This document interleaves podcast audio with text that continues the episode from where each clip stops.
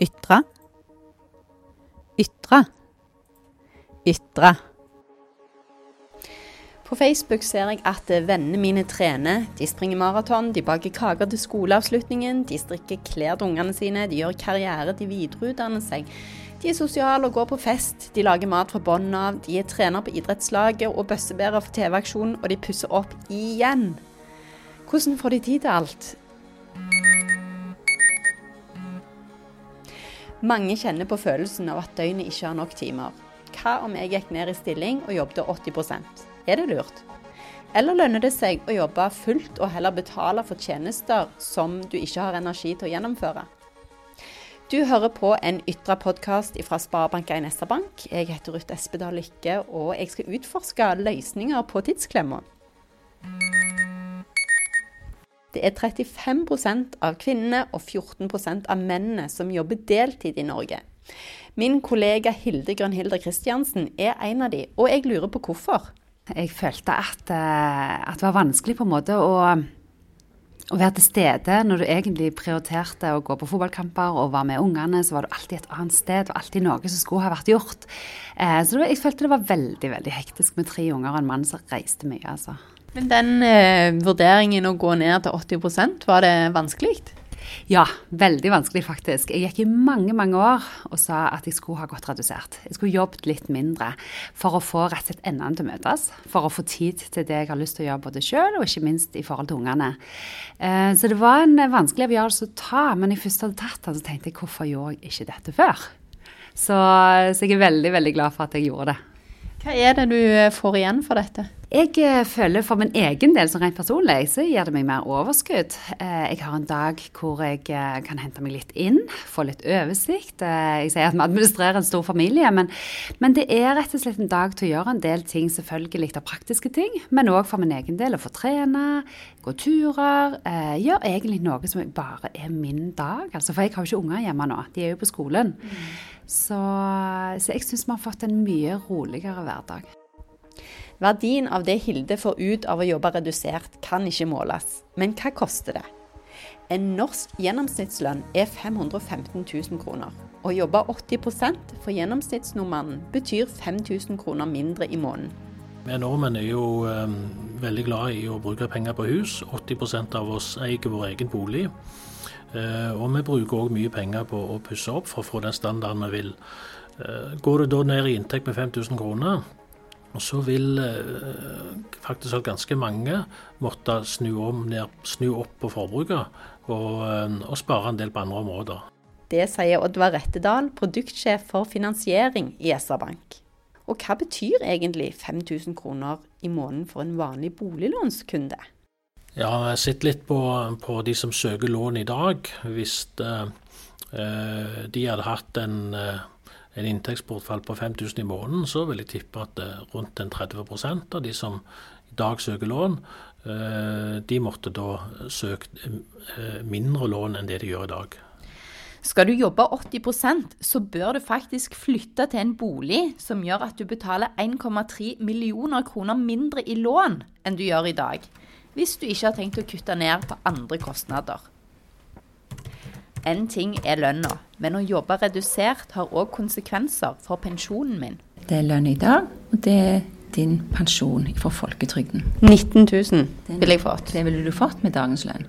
Og så uh, vil du òg få en oversikt her over det du får fra jobben din, og det du eventuelt måtte spare i tillegg. Leder for sparing og pensjon i SR-Bank, Ingrid Skjæveland, viser meg hvordan jeg finner pensjonsveilederen i nettbanken. Skal vi se, hvis jeg da hadde gått ned i lønn mm. til 80 mm.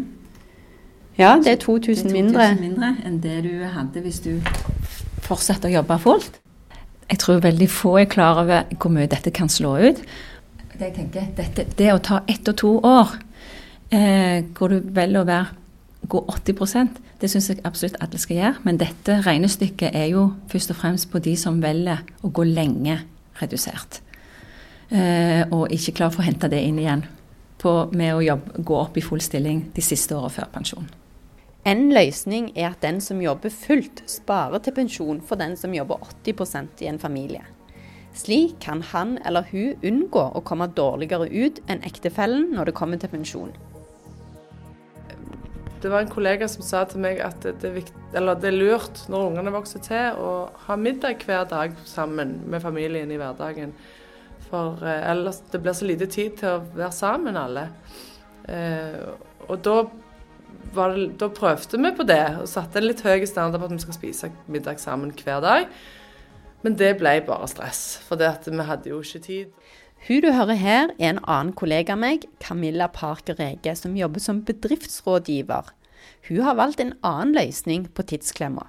Vi har eh, fastboende au pair hos oss, som hjelper oss med hus og mat og unger når vi trenger det. Hva var grunnen for at dere fant ut at dette må vi ha? Litt tilbake i tid så, så jobba mannen min offshore, og da eh, hvis jeg skulle klare å jobbe 100% så så vi at vi trengte litt hjelp, i og med at vi har ingen besteforeldre som bor i nærheten og kan hjelpe oss. Hva har det betydd for eh, familien? Veldig mye. Eh, vi har fått mye mer enn bare hjelp i hverdagen. Eh, vi har fått eh, nye bekjentskaper og lært eh, ny kultur.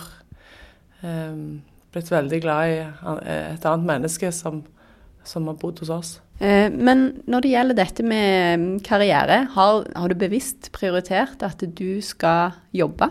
Ja, altså jeg har alltid hatt lyst til å jobbe. Og har lyst til å jobbe 100% Trives veldig godt med det. Ehm, så da har eh, Jeg hadde ikke lyst til å gå ned i stilling. Er det andre fordeler du ser med å ehm, kjøpe seg hjelp?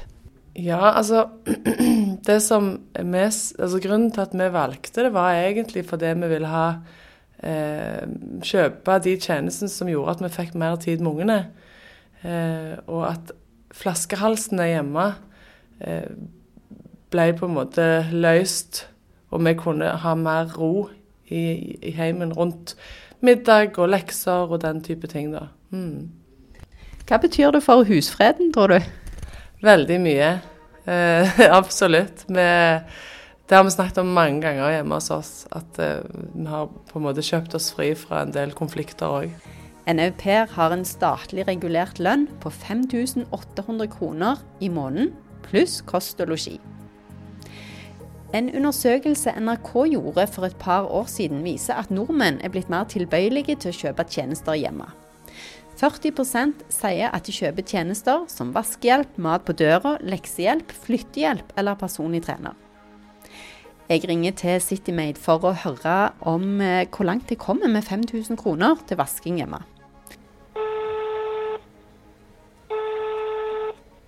Hei, hei du. Det er Rita fra CityMade.